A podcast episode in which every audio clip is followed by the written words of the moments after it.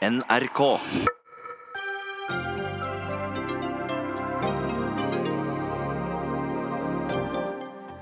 Petter Stordalen kjøper 40% av det konkursrammede reiseselskapet Ving, og forteller om sine planer her i Dagsnytt 18. Nestlederne svek Knut Arild Hareide, brøt spilleregler og motarbeidet partilederen aktivt. Den første boka om drama i Kristelig Folkeparti i fjor høst er kommet. Barn og unge bruker tusenvis av kroner på blindkjøp av alt fra fotballstjerne til våpen i dataspill. Bør reguleres som pengespill, mener forsker. Frp vil ha flere smalere firefeltsveier med høyere fart. Hvorfor skal flere bli drept for at noen skal komme raskere fram, spør Trygg Trafikk. Og Nav-skandalen er et resultat av et sultefòret rettssystem, mener Advokatforeningen.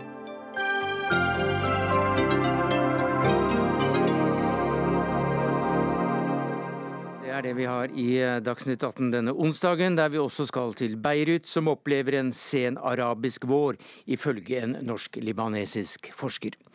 Men vi begynner i Stockholm og pressekonferansen der hotelleier og investor Petter Stordalen fortalte at han har kjøpt 40% av reiseselskapet Ving. Dette er det jeg elsker med selskap! Dette er kultur, det! Ja, det er godt å være norsk i Sverige, Petter Stordalen? Det er fantastisk å være norsk både i Sverige, Danmark og Finland i dag. Du, vi så jo bilder av deg fra pressekonferansen i Stockholm. Hva mente du med kultur? Eh, jeg har kommet til mange selskap, eh, og jeg har også kommet til selskap som eier.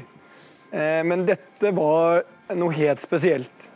Det å komme inn i fjerde etasje på Ving sitt hovedkontor og opplever at mange mennesker begynner å klemme deg og ønsker deg velkommen som eier, og sier at nå kommer Ving tilbake til røttene, og du får eh, enorm applaus når du går ned. Eh, jeg fikk eh, gåsehud og tenkte på den kulturen de menneskene her har, den er unik, og den bygger du ikke opp. Du får ikke kjøpt den. Det er Ving og Spis sin historie gjennom over 50 år.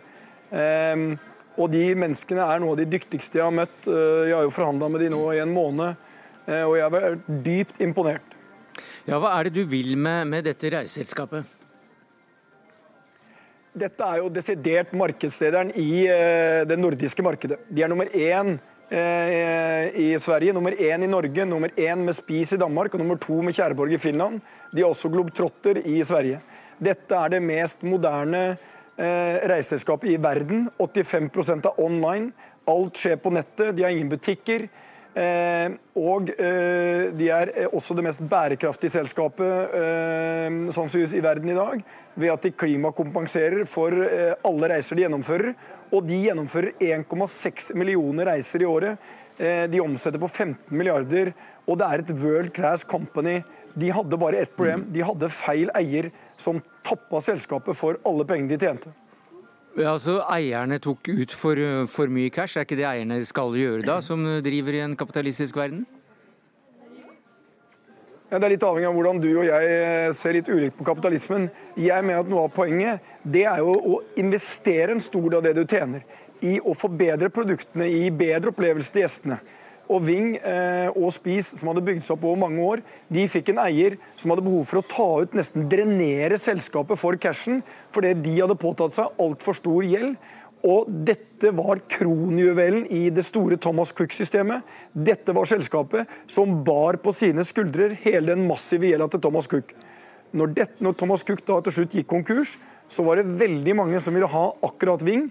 Men det var bare én gruppering av de noen titall som meldte seg på banen, som hadde en løsning som sikret alle reisende, alle ansatte, alt som Ving har vært. Og vi garanterte for at uansett hva som har skjedd og penger som er tømt i selskapet, så skal vi betale for alle de reisende som nå er bestilt. Mm. Nå er ikke Thomas Cooks eiere eller tidligere eiere til stede her, men tilbake til deg og hva du vil med selskapet også. Vi kjenner deg som en som gjerne profilerer deg ut ifra grønne verdier. og Hvordan er det da å ta over et selskap som flyr slik at folk føler skam? Nei, For det første så er det viktig. Eh, Ving har jo vært en av de eh, fremste når det gjelder eh, å tenke bærekraftig. De klimakompenserer for hver eneste av de 1,6 millioner reisende fra A til Å. Og I tillegg for oss som er opptatt av hva som skjer i flybransjen, det er jo allerede nå løsninger på vei som gjør at flyene kommer til å bli mer miljøvennlig. KLM er i ferd med å fase inn biofuel på sine fly. Og jeg tror om vi ser i løpet av ganske få år at flere og flere flyoperatører kommer til å bli langt mer miljøvennlig. Eh, så samme løsning man har sett i bilbransjen, kommer til å skje i flybransjen. Og så el, da, el, elfly, i, i, I mellomtiden så kan du kanskje satse på sykkelturisme? Nei, men jeg, eh, man skal huske på at det, eh, det finnes løsninger i dag som gjør at fly kan gå på eh, biofuel, eh, som er langt mer bærekraftig. Du sa på pressekonferansen at eh, du selv har mye hjerte, men er mindre forspent med hjerne. Hvorfor trakk du dette fram? Nei, jeg sa når du skal, gjøre, når du skal holde på med et selskap som dette, og de forhandlingene vi har øh, gjort siste måneden, det handler om å sikre hele kulturen og de ansatte. Dette handler om at det som bygger selskaper, er ikke penger og kalkulatorer. Det er mennesker. Det er entusiasme, begeistring, en sånn passion for det du driver med. Og det har Ving og Spis. Eh, og det, og det, er på mange måter mye viktigere for meg enn akkurat tallene. For jeg vet, gjør vi dette på en bra måte, så er Vings historie en historie om å tjene bra med penger. Problemet var at de fikk ikke beholde det til å videreutvikle selskapet. Og husk, dette er selskapet som gjestene sier, de som reisende sier, at det er det beste selskapet mm. i Norden. Og nå er det også det tryggeste selskapet å bestille reiser. Men er det det tryggeste selskapet for ansatte også? Hva med de 3000 ansatte her? Eh, jeg har jo stått i dag og garantert for at alle ansatte de videreføres akkurat som før. Og vi var også det eneste selskapet som kunne gi den garantien. Takk skal du ha, Petter Stordalen, hotelleier og investor, og også nå deleier av et reiseselskap som heter Ving. Dagsnytt 18 alle hverdager klokka 18.00 på NRK P2 og NRK2. Ja, så er den også kommet, den eh, første boka i kampen om uh, historie. I hvert fall den delen av historien som mange kjenner som dramatikken rundt KrF i fjor høst. En overveldende følelse av svik, skriver du, Emil André Erstad, i boka 'Hareidets fall'. 36 dager som endret norsk politikk. Hvem er det som svek Knut Arild Hareide? Nei, altså, i, i, boka så skriver jeg om hvordan det, var, hvordan det kjentes når nestleder Olaug Bollestad og Kjell Ingolf Ropstad innleder sitt eh, abortultimatum, og hvordan eh, situasjonen i Rogaland KrF ved, ved, ved, det årsmøtet der det ble sendt en ren blå delegasjon til landsmøtet. Uh, og da bruker jeg det ordet. Men, uh, men, resten av boka handler jo om en, en uh, helt sånn ufiltrert, ærlig beskrivelse av hva som skjer i kulissene i et politisk parti når en jobber som politisk rådgiver. Og I dag har jo jeg sett det blitt kritisert for å ikke liksom være analytisk og objektiv, og sånn, men det har ikke vært forsøket. det var et ufiltrert perspektiv. For du, for du sto på de rød-grønne side i kampen om, om KrFs sjel, jobbet da tettest opp opp mot eh, Hareide som hans personlige rådgiver. Men tilbake, vi skal holde oss litt på, til, dette med, til dette med svik. Altså, Hva i det som nestlederne gjorde, vil du kalle et svik, eller kaller du et svik i denne boka di? Det var vel det at nest, altså, jeg, Når jeg bruker ordet i boka, så er det for å skildre beskrivelsen av, av følelsen der og da. Ja. Og I dag så ville jeg kanskje kalt det ufint spill, Eh, djupt problematisk. Eh, jeg har litt mer avstand til det i dag. Eh, men jeg prøver da å holde meg til disse 36 dagene i boka. og da da er det jo eh, det at nestlederne og Knut Arild Hareide var blitt enige om noen felles spilleregler som skulle gjelde for prosessen. Og, og det å involvere andre partier f.eks. var brudd på det. Og det at det skulle sendes representative delegasjoner var òg en, en ting man var enige om da, i utgangspunktet. Men du var jo eh, svært god venn du med, med Ropstad, og ifølge eh, det vi har lest om dette her, eh, nå, um, i dag så feiret dere barne- og, og familiemiddager sammen og var på hyttetur sammen. Uh, hvordan følte du det personlig som et svik? Nei, altså jeg, jeg, kjente at de var enige om en, en måte å, å, gjøre denne prosessen på. Og så Og så ble det ikke sånn. Eh, og jeg ser at jeg blir kalt naiv og andre ting fordi at jeg ikke, ikke tok, eh, tok hensyn til at sånn er det i en maktkamp. Eh, men, men, jeg prøver som sagt da å skildre den reelle stemningen på baksida i denne prosessen. Og Martine Tønnesen, som, som KrFU-leder, så var du på den andre siden i, i dette spillet. Og blant da vinnerne som, som gikk til, til, de borgerlige etter denne kampen. Hva vil du si til at ordet svik brukes om nestlederne som du støttet? Ja, Det er jo ganske åpenbart at denne boka er, er et partsinnlegg fra, fra Emils side, og det er han jo helt åpen om, så det syns jeg er, er, veldig greit. Og så kan jeg jo eh, jeg trenger kanskje ikke å si det heller, men jeg opplevde det jo som litt annerledes. Og det jeg syns er mest oppsiktsvekkende ved den boka, det er jo det Emil beskriver at han og Knut Arild gjorde seks måneder før Knut Arild sin tale til landsstyret. Eh, hvor de bestemte seg for at de skulle kaste Erna Solberg og innsette Støre, og at de la en plan for dette. Eh, og de gjorde det helt uten å informere nestlederne sine. Startet heller en uformell eh, organ på en måte, som, som besto av generalsekretæren og sekretariatsleder, og, og, da Emil som den personlige rådgiveren til, eh, til, partilederen. Og Det er jo tre personer som ikke er politisk valgt, men som er ansatt. Og Jeg ble veldig overrasket da jeg leste dette, fordi at eh, er, Emil er veldig tydelig på at det var fordi man ikke stolte på nestlederne. Og jeg som satt tett på, da, som var på gruppemøter og på sentralstyremøter og landsstyremøter og nesten ukentlige arbeidsutvalgsmøter, eh, jeg hadde ikke noen forståelse mm. eller jeg hadde ikke noe inntrykk av at det var en mistillit mellom Knut Arild og nestlederne. Eh, og det tror jeg heller ikke at nestlederne tenkte noe på. Ørsta må få svare på dette. På. Ja, eh, jeg kjenner meg ikke igjen i den lesningen av boka som her gjengis. fordi jeg beskriver jo veldig detaljert hvordan Eh, hvordan denne prosessen med veivalget ble skreid fram.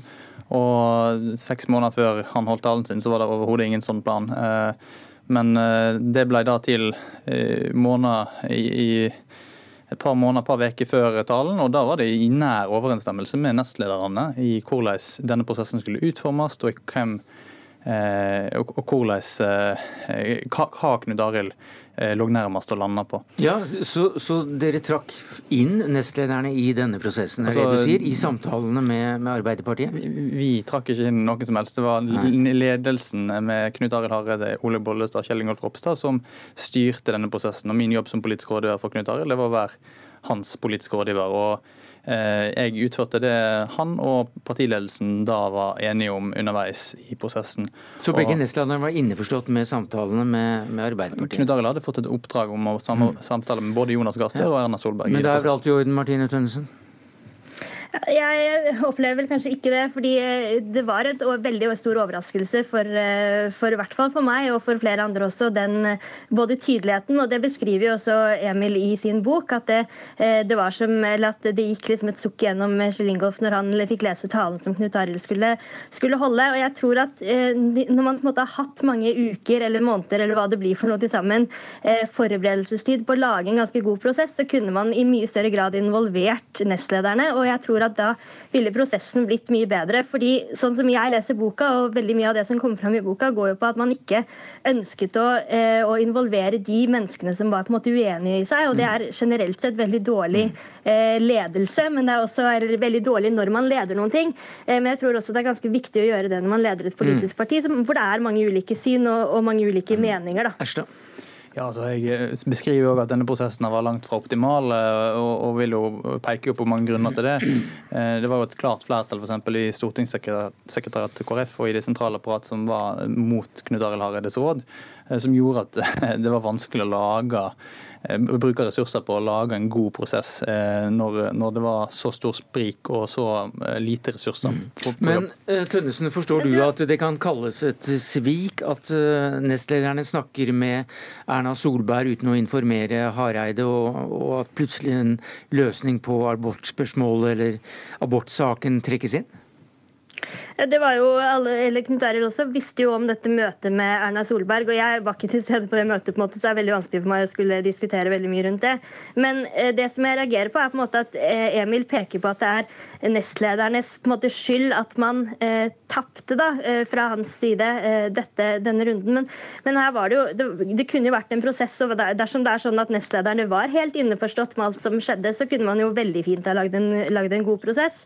Eh, så jeg syns det, det, er litt uh, uklart for meg nå om man mener at, man, at, alle var innforstått med dette eller ikke. Og sånn jeg leste uh, situasjonen i fjor høst, og sånn, sånn, som det opplevdes da, så var det at, uh, at man ikke var samkjørte, og at man ikke klarte mm. å gjøre dette til en, til en, god prosess der hvor alle var involvert. Da. Og det tror jeg var litt avgjørende også for, for måten man leser den situasjonen. Ja, i det siste er jeg helt enig med Martine i at Eh, den manglende samholdet i partiledelsen og i partiet for øvrig var veldig ødeleggende. og Det òg var med på å gjøre denne prosessen veldig vanskelig. Og, og det å få på plass felles spillere. Altså Mange utenfor partiet har reagert på at hvorfor var ikke disse tingene på plass. Eh, det er jo så lett å få på plass eh, sånne enkle regler. Men men det var en helt spesiell stemning og, og situasjonen i partiet som gjorde at helt sånne enkle arbeidsoppgaver ble veldig vanskelig. For. ja, for det du skriver, det er jo da at uh, denne striden rundt uh, reglene for hvordan avstemningen skulle skje, og hvordan man skulle velge uh, delegater, den ble på en måte kuppet av nestlederne. og hvordan kan du si det? Nei, altså Det beskriver vel hvordan eh, Kjell Ingolf Ropstad, Ole Bollestad og Knut Arild Hareide er enige om et sett med regler som skal sendes ut til eh, fylkene. Eh, det kom veldig seint, men de blir iallfall enige om en, en minste felles multiplum. Eh, så blir det da ikke eh, formidla til eh, Rogaland, da, i det tilfellet som, som, var først ut, og som da endte opp med en helt blå delegasjon. Ja, Nestlederne drenerte dette? Det var en klar oppfattelse av det. For å Hvorfor? Det, det, var, det er dokumentert etterpå at det var en strategi om å kjøre rene blå mm. flertall på disse årsmøtene, så jeg vil tro det har en sammenheng med det. Magnus Takvam, politisk kommentator i NRK. Hvordan er det du leser denne boka? Det er for det første et uh, veldig fascinerende stykke politisk samtidshistorie. Jeg fulgte jo sjøl denne prosessen veldig tett som kommentator og var på masse av disse fylkesårsmøtene. Eh, som jo veldig mange fulgte med på TV fra time til time. Eh, og det var et, et, drama internt i KrF, men hele regjeringens liv var jo også i potten, og det gjorde det, jo ekstra, ekstra, dramatisk. Når det gjelder eh, denne boka, så er jo det mest skal vi si, fascinerende og spennende å lese om den dragkampen, eller det dramaet som utspilte seg mellom eh, toppledelsen. altså at Splittelsen gikk jo helt inne i selve toppledelsen. og Vi hører jo også debatten her at det er fremdeles eh, skal vi si, gjensidige beskyldninger om, om råttent spill fra, fra begge, begge, leirer. Det som jo står fast i eh, denne boka, og som Hareide og Erstad selv analyserer seg fram til, er at hele dette abortutspillet om paragraf 2c, som Eh, i denne versjonen var klekket ut i et samarbeid med Erna Solberg, Kjell Ingolf Ropstad og, og, den blå siden, var det som gjorde at den siden vant. Eh, så den eh, analysen er at det for så vidt ikke var Kjell Ingolf Ropstad og de andre på blå side som på egen hånd eh, sørget for seieren, men ved hjelp av det man beskriver som et kynisk spill for å overleve eh, som regjering, ved hjelp av Høyre, så, så vant da den, den, blå siden. Det er en fascinerende historie som, som eh, han forteller om, og som det er da selvfølgelig ulike meninger om. Og Det er jo flere historier her, bl.a. om uh, hvordan mangel på, på dristighet og, og stå-på-vilje fra Hareides side eh, kanskje var med å, å, påvirke det endelige resultatet. Eh, vi må avslutte her, men eh, dette er altså da den første boka i skal vi kalle det kampen om uh, historien? Det er det. Tror du det kommer flere? Eh, det skal man ikke se bort fra. Det, ja, Knut Arild Hareide har jo skrevet litt, men han kan jo kanskje sette, sette sin farge på det også. Takk skal eh, du ha, eh, Magnus Takvam. Takk også til eh, Emil André Erstad og Martine Tønnesen.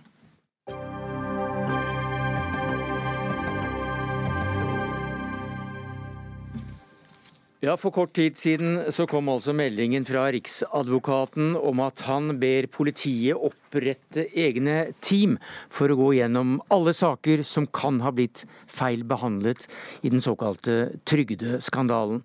Og Hva sier dette deg om alvoret i, i denne saken og mulig omfang, generalsekretær i Advokatforeningen Merete Smith? Det er klart dette er en alvorlig sak. Eh, og Det er virkelig en sak hvor alle i rettsvesenet må tenke på, eller ta inn over seg at her er det gjort feil på mange hold. Så, men vi er glad for at eh, det nå tas tak i saken, og det ser ut som det gjøres på en god måte. Riksadvokaten gjør også dette på sin nest siste arbeidsdag som riksadvokat. Ja, det var vel ikke akkurat den slutten han hadde håpet på et langt virke som riksadvokat.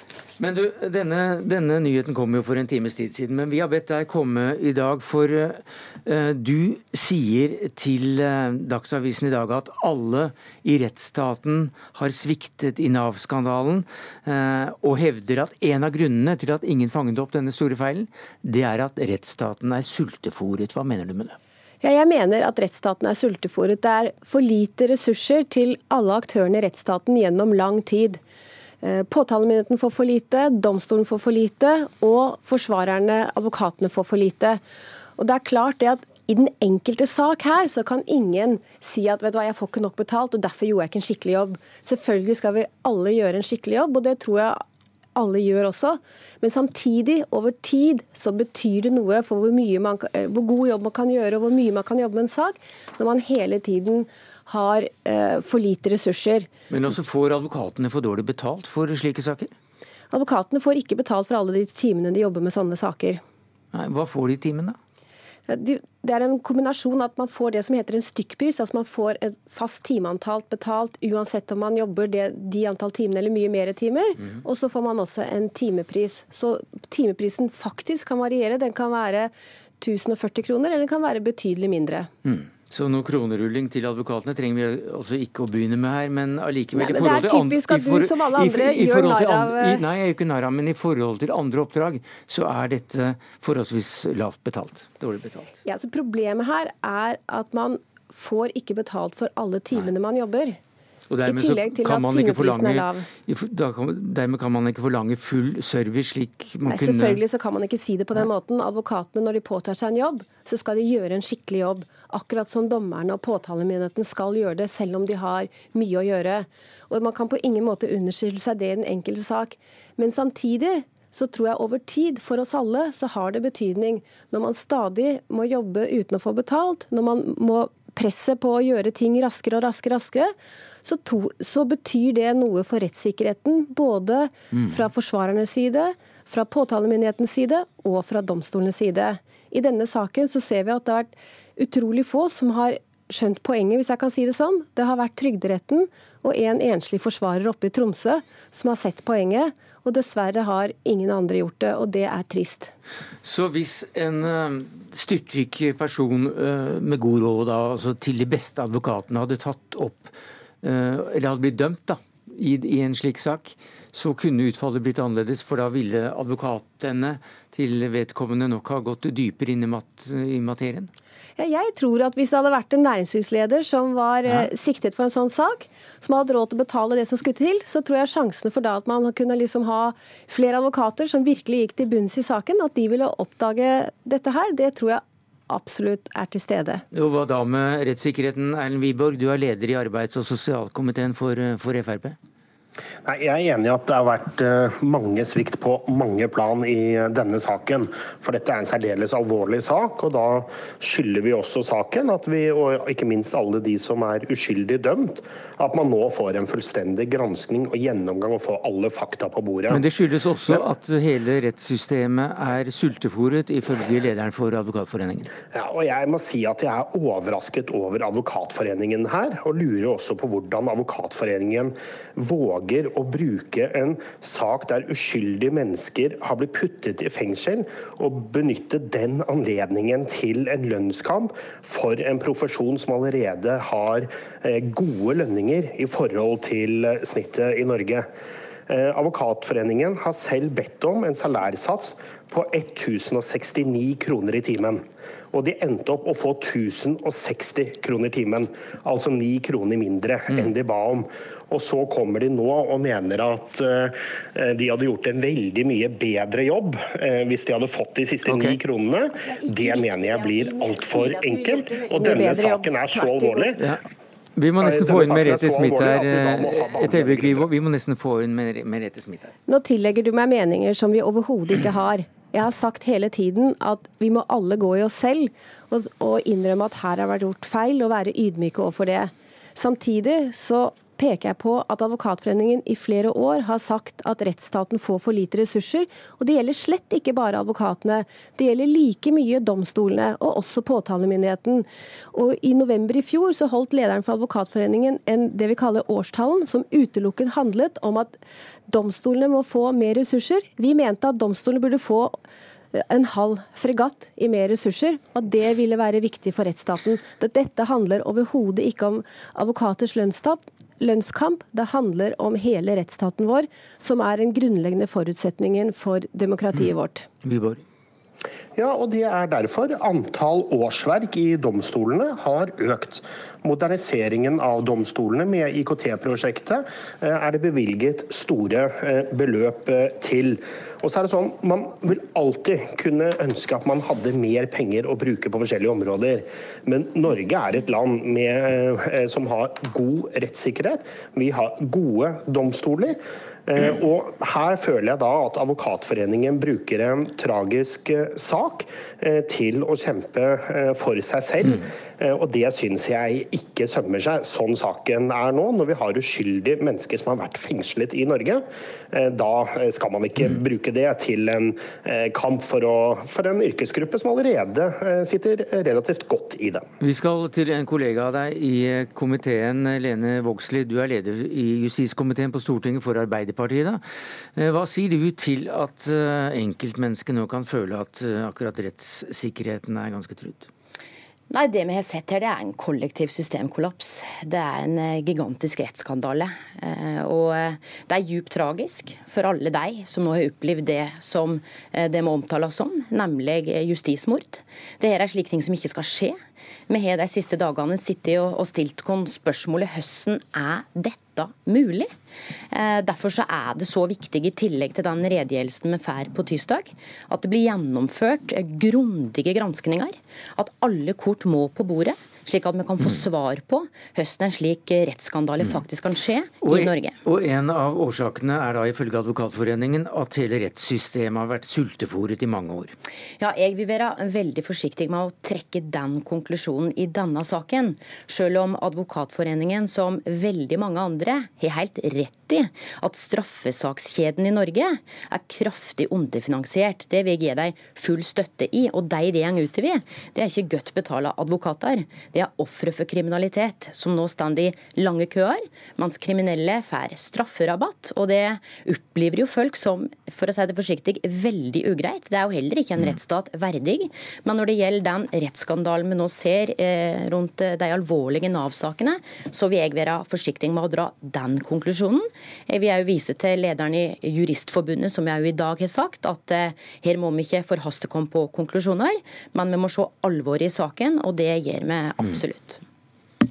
Ja, ja, jeg er enig i det du sier. og Jeg er også enig i at uh, sultefòring av rettsstaten er ikke den eneste begrunnelsen, men jeg mener at det kan tyde på at mye, mye kan tyde på at det er en viktig grunn. Og det er jo nettopp det som er faren. er Når folk får for mye press på å gjøre ting for raskt, ikke får tid til å gå grundig inn i tingene, så kan feil skje. Og Jo mer press er, jo større er sannsynligheten for at feil kan skje. Og Poenget er jo at rettssikkerhet, det tar tid. Rettssikkerhet er det første som forsvinner ut når effektivitetspresset blir for stor. Og Derfor så tror jeg nettopp at sultefòring av rettsstaten er virkelig noe vi må se mm. nøye på. Og dessverre, dessverre så er jeg redd for at det er en av årsakene til det så som har skjedd nå. Så dommerne har heller ikke hatt nok tid? Men igjen så tror jeg ikke vi skal si at den den enkelte sak så, har, så, skal man unnskylde seg med at jeg har hatt for liten tid. Men jeg tror at når man er i et system som hele tiden er underfinansiert, og hvor driven for å gjøre ting raskere, for å gjøre ting fortere, så, så skjer dessverre at noen ganger så jobber man ikke da så mye som man burde ha gjort. Og jeg, og jeg, må virkelig si at Vi har masse flinke mennesker i rettssystemet vårt, men de er utsatt for et press på å gjøre ting enda raskere, enda mer effektivt, og bli fortere ferdig med saken. Ja, bare la meg understreke da, at jeg, jeg mener det er, eh, kan være problematisk å dra den slutningen i forhold til Nav-sakene, Nav som er veldig alvorlige. Så vil jeg jo arrestere Wiborg. Hvorfor, er, hvorfor er det så problematisk? Ja, fordi jeg mener at vi er nødt til å se eh, saken gjennom en grundig gransking. Jeg som leder av justiskomiteen har vi god kontakt med alle aktørene innenfor straffesakskjeden. Jo, men avviser, avviser, du at en av forklaringene kan være at eh, det er for lite bevilgninger til rettssystemet vårt? Nei, jeg vil absolutt ikke avvise det. Men slik saken er blitt framstilt i dag, så kunne en få et inntrykk av at det var årsaken til det.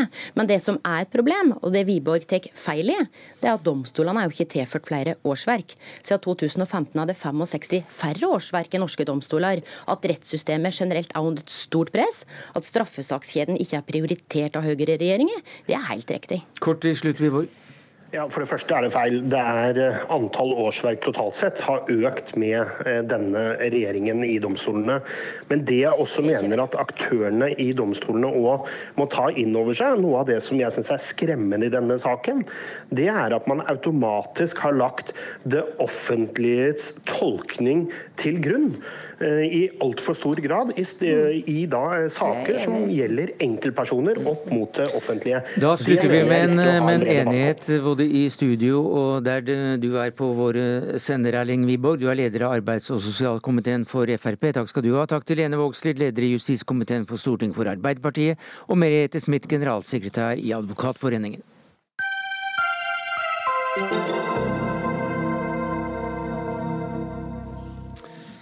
Ja, Frp vil bygge om eh, to- og trefilsveier til eh, smalere veier.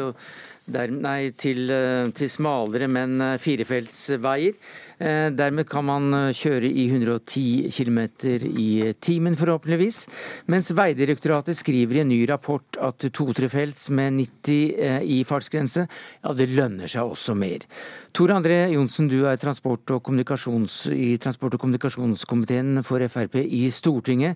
Hvorfor bør det satses på firefelts der vi i dag har to- og trefelts?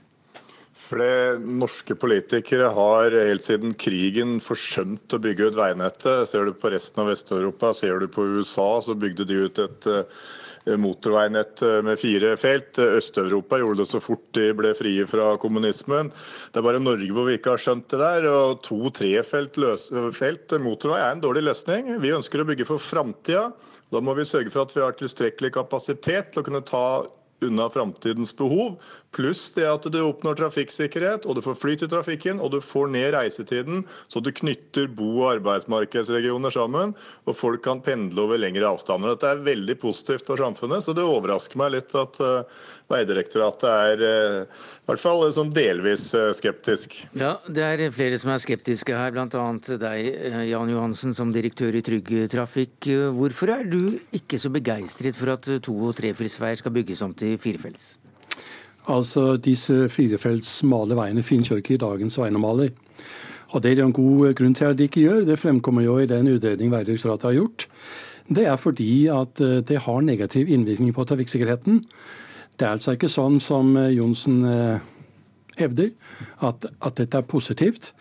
Det er bedre for trafikksikkerheten med, med, med to- til trefelts veier med midtdelere. Og så er det rett og slett ikke samfunnsøkonomisk lønnsomt å bygge denne typen veier. Det er altfor dyrt. Det er mye dyrere enn å bygge de veiene som allerede står i veinormalene. Tore André Johnsen. Ja, for det første så er det jo feil at uh, det ikke finnes i veinormalene. Det eksempelet som Vegvesenet sjøl viser til i rapporten sin, er jo en standard som heter H8. Det er en 20 meter firefelt som er litt smalere enn det som egentlig er vanlig. Så Det er jo feil. Også det Eh, at det her skal bli flere ulykker av det, det er helt utrolig. Jeg har stor respekt for Trygg Trafikk, og de gjør en kjempegod jobb på trafikksikkerhetsarbeidet. Men jeg hadde aldri trodd at eh, Trygg Trafikk skulle sitte og snakke mot å bygge trygge, sikre firefelt motorveier. Eh, all mm. erfaring vi har viser jo at det er de tryggeste veiene som finnes. Så I rapporten her så er det ikke akkurat eh, så veldig godt dokumentert at det vil bli flere ulykker med en firefelt. Det er anslås, skriver de. Det er, det, er, det, er, det er, ganske subjektive påstander som blir fremma. At det kan bli lavere eller mer ulykker. Men det er ingenting mm. som viser at det er korrekt. Og hvis du ser på når Vi økte fra 100 til 110 Vi har med en tredjeperson her, unnskyld at jeg avbryter deg, Johnsen. Men kommunikasjonssjefen i, i NAF, Camilla Ryste, hva sier du til, til denne rapporten, og om det blir sikrere eller dyrere eller bedre med firefelts der det i dag er to og tre? Nei, For å bare starte med behovet på uh, veinettet i Norge i dag, så er det jo ikke noe tvil om at det er behov for mye mer fir firefeltsvei. Uh, og I dagens nasjonale transportplan så slås det jo fast at vi uh, har behov ut fra eh, trafikkmengden å doble eh, antall kilometer firefeltsvei fra 650 km i dag til det dobbelte. Ja, Men i dag så snakker vi om å bygge ja, om fra to-tre-filer. Og det er det som, eh, Når vi leser rapporten, så fremstår det da litt uklart hvilket problem er det det da løser for bilistene eh, å eh, begynne å bygge smal firefeltsvei der hvor behovet er definert til å være en god trefeltsvei. Når vi vet at det finnes nok av kilometer som trenger eh, firefeltsvei, så hvorfor skal man da eh, begynne her? Det blir feil sted å begynne, mener vi. Det er ikke her vi vil få best utnyttelse av disse pengene for bilistene. Johnsen. Nei, det tror ikke vi vil prioritere å gjøre om dagens to- trefelt til firefelt. Det er ikke der du må sette inn fokuset. Det er å sørge for at når du bygger nye veier, og det uansett skal utbedres, og, og, og, og, sørge for at du får en bedre kapasitet og standard, da må du bygge firefelt. Jeg synes Et godt eksempel er E16, som går fra Kløfta til Kongsvinger over til Sverige. Sikkert mange av lytterne som har kjørt på den veien. Der var det opprinnelig planlagt en sånn løsning som Vegdirektoratet og Trygg Trafikk er tydeligvis veldig glad i. To-trefelt. Det var på 90-tallet, men heldigvis da så var det en oppegående Frp-ordfører i Ullensaker og en oppegående veisjef i region øst her som skjønte at det ble for dårlig, og de fikk snudd om det til et prøveprosjekt med en smal firefelt. Eh, og den er 16,5 meter, den er mm. veldig smal. Eh, vi snakker ikke om å bygge så smalt, eh, kanskje 19 meter f.eks. Og den veien fungerer meget bra. Jeg tror alle som kjører på den er veldig mm. glad for at de slipper å kjøre i rykk og napp og sånn kengurukjøring som du ville fått med en to- og trefelt. Det er et annet perspektiv her òg. Det er hvor mye kommer dette til å koste til syvende og sist. Eh, det er sendt ut veldig tydelige signaler fra samferdselsministeren at kostnadsnivået må ned eh, på veibygging i Norge. For bilistene har det også en pris. For det vi ser at med, eh, når man ikke gjør prioriteringer i det hele tatt, så blir kostnadsnivået til slutt så høyt at bompengestrikken, altså det bilistene må være med å betale for dette, blir strukket veldig langt. Og vi kjenner jo alle til hvilke reaksjoner det skapte gjennom våren og langt inn i valgkampen. Så det tror jeg er et perspektiv som også er lurt å ta med her. Det er viktig. Et øyeblikk, vi må nesten få inn tredjemann her. Det er veldig viktig at vi snakker om epler og epler og pærer og pærer. Og her er det altså forskjellen mellom eh, disse firefelts eh, smale motorveiene og eh, trefeltsveier som vi snakker om. Det er ikke alle mulige andre veier. Tugtrafikk er eh, glad i gode, trygge veier. Men hvis du sammenligner disse nye firefeltsveiene, smale veiene, med trefeltsveiene, så vil trefeltsveiene alltid være tryggere enn disse smale firefelts motorveiene. Det er rapporten veldig, veldig, uh, veldig, veldig tydelig på. Så vi mener jo at det er der man må ha fokuset sitt. Et øyeblikk, Jeg må stille Trygg Trafikk et spørsmål her også. Eh, de, dere sier jo da at uh, hvor mange mennesker må skades, eller uh, i verste fall da bli drept uh, i trafikken for at noen skal kunne kjøre fortere. Er ikke det vel rå retorikk? Nei, det er jo det det handler om. Og når vi ser en politikk som nå i økende grad handler om fart og høyere fart. Og jeg tenker at dette initiativet med smale firefeltsveier med 110 er jo også et sånt uh, type fartsutspill. Det handler om å få opp farten, folk skal komme fortere frem. Og Da får vi altså et etisk problem, uh, og spesielt når vi snakker om samfunnsnytte. Fordi Spørsmålet er jo hvor mange skal vi tillate blir skadd eller omkommer, for at veldig veldig, veldig mange skal komme bitte, bitte lite grann raskere frem. Det er et veldig veldig viktig spørsmål. Jonsen? Nei, Det her synes jeg ble ganske absurd, egentlig. For det er på fylkesveier, på dårlig svingete, eh, gamle veier som ikke har midtrekkverk og ikke har firefelt og ikke har 110. Det er der du har dødsulykkene, dessverre. Det er ikke noe dødsulykker på det hovedveinettet som vi har bygd ut nå med fire felt. Og Vegvesenet sjøl bygde jo E6 nordover fra Gardermoen. Der er det 21 meter bredde og det er 110. Det fungerer meget bra, selv om Vegvesenet Trygg Trafikk var skeptiske til at vi satte opp til 110. Riksvei Riksvei 325 bygger Vegvesenet mm. akkurat nå.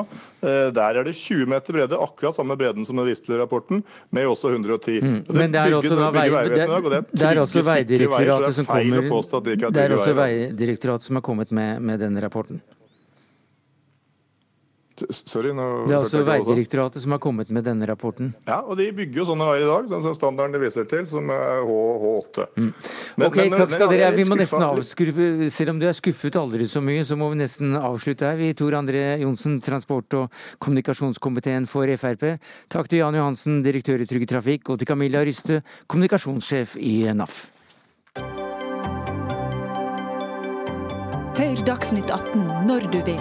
Radio NRK Radio.nrk.no.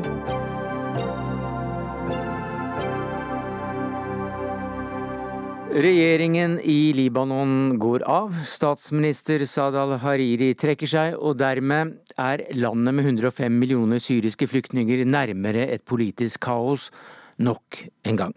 Og hvordan oppleves dette fra hovedstaden Beirut, der du er basert som vår Midtøsten-korrespondent Kristin Solberg? Ja, nyheten om at regjeringen eh, gikk av, den ble jo mottatt med applaus og jubel eh, blant demonstrantene her. Det har jo vært et av hovedkravene deres, selv om de også har andre krav. Så vi ser at protestene eh, fortsetter i dag også, selv om de er mindre enn før. Og dette er jo protester som har hatt en stor grad av folkelig støtte. Det har vært nesten en million mennesker ute i gatene, og det i et land med bare fem millioner innbyggere. Og det har vært støttet på tvers av ulike religiøse grupper, en slags nasjonal enhet enhet som er ganske uvanlig her eh, i dette, i dette, landet. Samtidig så har det jo også vært en slags unntakstilstand. Skoler og banker har vært eh, stengt, veier er, eh, er blitt blokkert. Um, og nå som regjeringen har gått av, så, så, er det jo som sagt noen som er glade for det. Noen mener at det ikke går langt nok. Men så er det jo også en god del som frykter hva vil denne uvissheten her si, og blir det enda mer politisk kaos i dette landet? Ja, for Som du nevnte, det er store opptøyer, 13 dager med, med politiske kraftige demonstrasjoner. Hva er det demonstrantene vil? Ja, Det første kom jo eh, Dette kom jo, det blir jo kalt WhatsApp-revolusjonen i en del utenlandske medier. for kom, Protestene startet etter en skattlegging, eller en foreslått skattlegging av WhatsApp-samtaler eh, her. Men det var bare dråpen som fikk begeret til å renne over. Det var mange underliggende grunner. og En av de er den alvorlige økonomiske krisen som dette landet her er inne i. Og, eh, og Det er noe som alle her merker, også godt opp i øvre middelklasse. Og Demonstranter som jeg har snakket med, særlig de unge, unge. De sier de er lei av eh, få jobbmuligheter. Eh, de sier at de er lei av en korrupt maktelite som de har mistet all tillit eh, til. Det er jo eh, i stor grad de samme folkene som har styrt dette landet helt siden borgerkrigen. Eh, Tidligere var de krigsherrer, nå er de eh, politikere i, i stor grad. Så noen krever jo da en hel fornyelse av hele systemet her. Rania Maktabi, eh, du er forsker ved Høgskolen i Østfold. Hva slags opprør er dette? Det er i høyeste grad et, et folkelig opprør. Og det er uh, mange uh, libanesere ute og krever en total vendring av politiske systemet. Men, og det som Jeg må bare si, jeg hører dobbelt her, altså. Ja. Kan, jeg greier ikke å snakke. Nei, men da, da, prøver vi å ordne på det mens jeg stiller deg et, et spørsmål til om hvem disse demonstrantene er. Demonstrantene det er både uh, unge mennesker, det er eldre mennesker, det er kvinner, menn. Det er fra alle lag, alle klasse, altså klassebakgrunn. Uh, og Det som er uh, virkelig interessante, er at man ikke snakker religion. Det er for første gang en enhet blant befolkningen de ønsker, eh, de ønsker en, eh, en, form for eh, endring av det politiske systemet som har vært etter Taif-avtalen i 1989. Der hvor særlig krigsherrene den gangen styrer. Og det er ikke bare krigsherrene, deres barn, deres sønner, som nå eier store økonomiske andeler i helt essensielle stats- og offentlige stats- offentlige og private bedrifter. Og nå snakker jeg om f.eks. telekomindustrien, som Kristin Solberg snakket om. Eh, eh, vi snakker om søppelhåndteringsselskaper. Vi snakker om eh, bankvesenet, som er også privateid. Og mange politikere eier andeler i banker.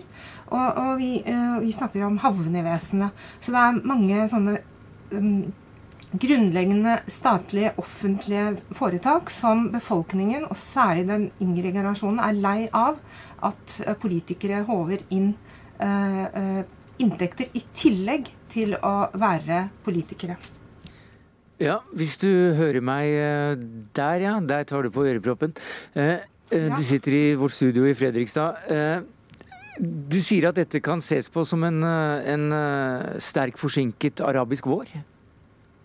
Ja, absolutt. Jeg var i Beirut i mars 2011, og der var det altså helt stille. Det var bom stille. Det var eh, til og med litt unntakstilstand hvor folk holdt seg hjemme pga. en intern krise i regjeringen som var småtteri i forhold. Men det vi ser nå, er um, krav om endringer som vi ser igjen over hele den arabiske verden. Uh, før så var det islam som var et problem, at uh, demokrati ikke er forenlig med islam. Det arabere og også libanesere nå krever, er verdighet, eh, jobb til unge. Eh, de tar høy utdanning i Libanon. De reiser til utlandet fordi det ikke er penger eller jobber å få i eh, landet. Og det som er spesielt med Libanon, det er at, som det blir påpekt, det er en økonomisk krise, men den har også en veldig sterk finansiell bunnklang. Og det har noe med at uh, stor del av uh, økonomien i Libanon er forgjeldet. Libanon er det tredje mest forgjeldede landet i verden etter Japan og Hellas. Nær halvparten av alle offentlige inntekter brukes på å betale ned gjeld. Og det har noe med rekonstruksjonen av, av krigen. Så i tillegg til den arabiske våren, så har det også en langvarig et etter borgerkrigstilstand, som jo er jo over um, helt siden 1997, uh, over 20 år, som man ser ettervirkningene av. Man har tatt altfor høye lån og greier ikke å betale ned det lånet. Og du selv er jo eh, et produkt eh, i Norge av akkurat denne borgerkrigen du snakket om. Du kom hit med familien som flyktning som tolvåring i, i 1976. Men det er også et meget spesielt land ved at det er sunnimuslimene som har statsministeren. Det er sjiamuslimene som har lederen for, for parlamentet. Og så er det også russerne er det det, som, har, som har presidenten. Og Kristin Solberg, hva er det som er ventet skal skje nå? Er hele denne maktbalansen forrykket, eller fortsetter man mer som før?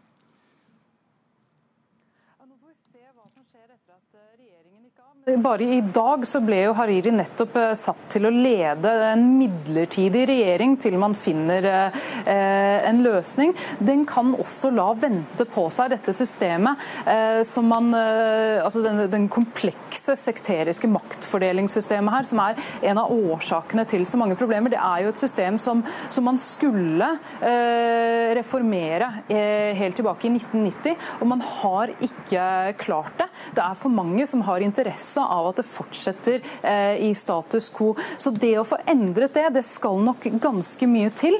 Eh, så får vi se hva som skjer nå. Forrige gang så tok det åtte åtte måneder før man klarte å danne en ny regjering. Det kan bety at det kan ta en god stund før det fortsetter, eller før det, før det blir en ny regjering her.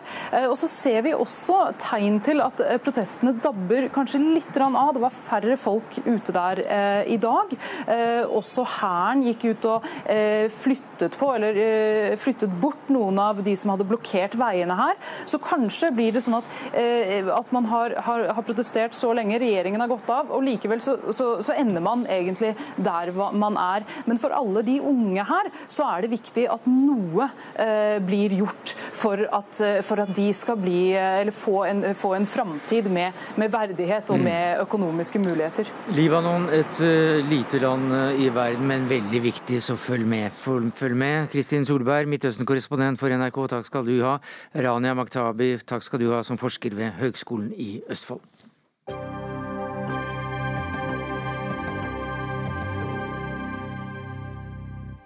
Internasjonale spilleselskaper håver inn på såkalte mikrotransaksjoner i spill som Fifa, Fortnite og Call of Duty.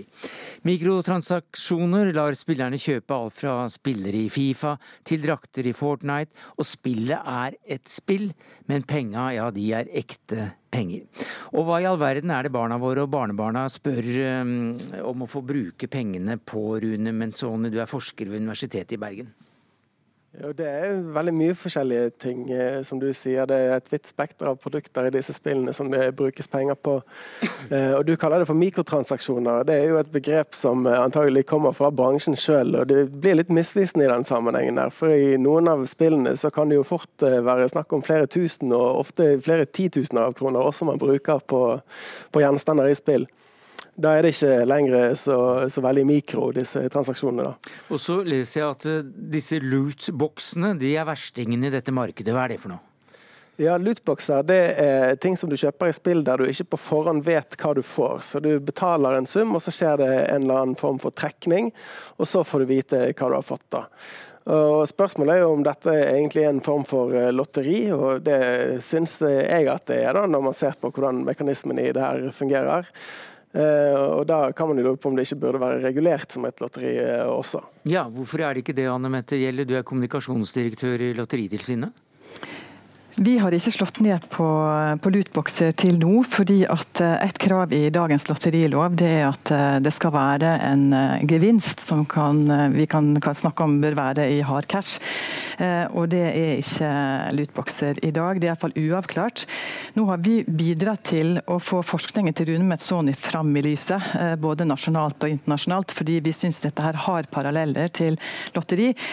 Men fordi vi er i, i prosess med å å lage en ny pengespillov, eller hvis det er Kulturdepartementet er det, eh, så, har, så avventer vi Kulturdepartementets uh, vurderinger. Og så har vi gjort veldig mye i flere år på å skaffe innsikt, forskning og erfaringer uh, som Kulturdepartementet kan ta med seg i det arbeidet. Mm. Er det bra nok, Menzoni? Jeg syns det tar litt lang tid det her, altså. Det gjør jeg. Og jeg er ikke enig i at det ikke er avklart i, i hvorvidt disse produktene har økonomisk verdi. Fordi at noen av disse lootboxene har helt klart det. De eksisterer i spill der man uten videre inne i spillet kan selge tingene man får, for ekte penger og få det tilbake. Da har de en eh, økonomisk verdi. Og det, er jo, eh, det var noe som het Forum for spilltrender som leverte en rapport til Kulturdepartementet, der jeg satt i det, det forumet, og Lotteritilsynet var også representert. I den rapporten så konkluderes det med at noen av de lootboxene som finnes i dag, de treffer kriteriene for lotteri, og det er ikke noen grunn til at de burde være utenfor regulering. da. Men jeg må få kommentere det, fordi i den rapporten så står det også at det ikke er beint fram gambling. Eh, og Det er ikke opplagt når du ikke kan ta ut gevinst av lootboxer i hard cash. Eh, men dette her er jo noe som eh, Kulturdepartementet vurderer. Dette er et kunnskapsgrunnlag som de har med seg. og Forslag til ny pengespillov den blir lagt fram våren 2020, etter det jeg har fått opplyst i Kulturdepartementet. Da vil den bli sendt ut på høring. Men jeg innrømmer jo selvfølgelig at det er en treghet i lovregulering i forhold til teknologiutvikling. Eh, og det er sånn det, sånn det er. Altså er det, det, er viktig at en tar omsyn til alle forhold når en skal endre mm. en lov. Eh, samtidig så har jeg lyst til å rette oppmerksomheten på at det er ikke bare en lovendring som vil løse dette. Eh, alle de foreldrene som, som har barn eller unge som sitter og spiller dataspill, de bør også sette seg ned og snakke med ungene sine om spill. Eh, mm. De bør også ha kontroll på hvor mye penger ungene bruker, eh, og hvor mye tid de bruker. Ja. Og I tillegg så bør industrien ta et skippertak. Ja. Det er mange som må ta seg sammen her, hører vi. Og, og også foreldre og besteforeldre. Og det de da får med seg fra Dagsnytt 18 i dag, det er altså at det er noe som heter lootbox. Et nytt ord vi må lære oss, Erling Rostavåg. Du er daglig leder for nettstedet gamer.no. Har pulsen, fingeren på pulsen til norske gamere. Hva synes Eh, spillere og folk ellers som lootboxer?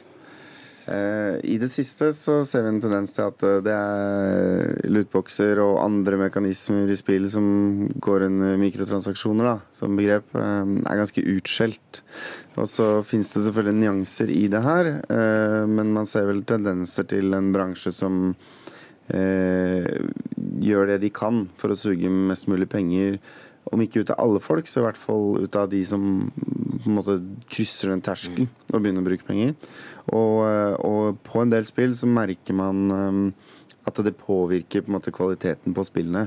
Um, det påvirker dramaturgi og progresjon og, og, hva som er mulig og ikke umulig. Og da, særlig da, er det de som spiller, blir grinete. da.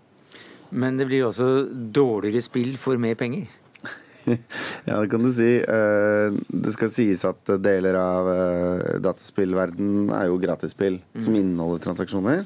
Men dette med eh, loot, det, det koster? Det koster, mm. ikke sant. Er det, er, også... er det gambling? Er det pengespill? Ja, Deler av det Rune har forska på, er uten mm. tvil pengespill, mener jeg. Og det er jo noen spill som er så vågale at de har kjørt enarma banditter og lykkehjul rett inn i spillet. Og mm. da er det ikke noe å lure på lenger. Jørgen Trygve Taraldsen, du er en av utviklerne til slike spill. Du er daglig leder i Megapop Games, som produserte bl.a. Trolls eh, versus Vikings, mm. som har slike mikrotransaksjoner. Mm. Kjenner du deg igjen i kritikken? Eh, nei, jeg gjør ikke det. Men eh, vi bruker ikke lootboxes på den måten som eh, stilles fram her. Men det koster penger å kjøpe seg ting som gjør at du kan bli litt bedre? Det gjør det, og det mm. må det gjøre. Fordi eh, forretningsmodellen i mange av spillplattformene, altså mobiler, eh, Facebook tidligere, og også da mange av PS-spillene, er blitt gratis. Tidligere kostet spill penger, ofte mye penger, og nå er mange av de barrierene fjerna helt, så spillene er gratis å spille. Eh, så Utviklerne forsøker da på forskjellige måter å tjene penger på spillene. Eh, og Der kommer lootboxene og andre typer virtuelle gjenstander inn. Og, og energi eller spilling. Så, så, Det er egentlig en eh, konsekvens av at alt har forandret forretningsmodell. Fra å ta penger kanskje 600 kroner, og mye av det som er utskjelt nå, er jo at man både tar penger og har mikrotransaksjoner. Eh, og Der har du mye av den konflikten som har kommet ut nylig. Ja, så er det også da slik at er, du ikke vet hva du kjøper når du kjøper sånne lootboxer? Ja, eh, i mange tilfeller, ja. Eh, og Nå er det en selvregulering som begynner å komme inn i bransjen. Det er flere og flere spill som melder at de vil fjerne det eller ikke vil ha det. Men dette, selve grunnmekanismen her er jo at du ikke vet hva du får. Og de beste tingene har veldig lav sannsynlighet for at du får det. Så du vil velge å Du må prøve igjen og igjen og igjen, noe som forskningen til Rune bl.a. har vist, da, hvor mange ganger du må prøve for å få Ronaldo-kortet i fotballspillet. Er det greit? Eh, nei, jeg syns ikke det. Eh, jeg syns det blir spekulativt når det tas for langt ut. Men det å ha uforutsigbare premier når du er ferdig med et brett f.eks., det er en god mm. spillmekanikk. Men å kjøpe et nytt sverd til en viking, det er greit? Det syns jeg er helt greit, hvis du vet hva du får og hvor mye det koster og hva statistikken er, så lenge spillet er gratis. Men hvis du ikke vet hva du får og, og du prøver igjen og igjen og igjen og bruker veldig mye penger, syns jeg ikke det er greit. Og, da, og det er litt avhengig av altså direkte spørsmål er det gambling eller ikke. Nei, det er ikke gambling på de fleste metodene, men det er en fin eh, gang å gå her, da. Det er en fin gang å gå, Rune Menzoni, og du har gått den gangen? Ja, jeg har gått i gang. Eh, jeg hadde et prosjekt der jeg brukte 30 000 kroner på å kjøpe lootboxer i Fifa fotballspillet. For, for, for, skattebetalernes penger? Ja, ja, ja. Det var skattebetalernes penger. Eh, eller tippernes penger, var det vel eh, egentlig. Men uansett, det, det, som kom tydelig frem fra det prosjektet, det er jo at 30 000 kroner det var på ingen måte nok til å få de beste, de beste spillerne i Fifa-spillet. Og det som jeg også kunne vise ganske tydelig der, var at den trekningen som skjer, den er ikke tilfeldig, men det skjer en skjevfordeling i retning av eh, dårligere eh, kort som du får når du åpner de pakkene. Da. Og Det er jo informasjon som du ikke har som forbruker når du betaler for disse tingene. Du vet ikke hva du får.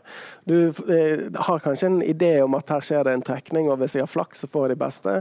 Men oddsene er stilt veldig imot deg da, fra utgiveren sin side. Anne Mette Gjelle, det er altså land som har forbudt disse lootboxene? Mm. Ja, og en har valgt ulike løsninger på det. Eh, Belgia har eh, valgt en annen løsning enn Storbritannia. Storbritannia har sagt at de avgjør ikke om dette her er innenfor deres pengespillov, men heller peker på at det er, et, at det er spillrisiko. altså det her er risiko for å få spillproblemer med det, eh, og håndtere det den veien. fordi det å avklare dette juridisk kan ta tid. Og så ser vi at Sverige nettopp har sagt at lootboxer kan være et pengespill, men mm. kun i de tilfellene der gevinst har verdi verdi i real life, altså i praksis at det kan tas ut penger. Eh, så her jobber en litt ulikt, fordi alle land har sine eh, versjoner av mm. en pengespillov. Og så jobber vi jo sammen internasjonalt mm. for å utveksle informasjon. Men det skal Men, komme en avklaring på dette her ja, ganske snart. Og det var siste ord i Dagsnytt 18 takket være deg, Anne Mette Gjelle, kommunikasjonsdirektør i Lotteritilsynet. Jørgen Trygve Taraldsen, daglig leder i spillselskapet Megapop. Rune Menzone, førsteamanuensis ved UiB. Og Erling Rostevåg, daglig leder i Gamer.no.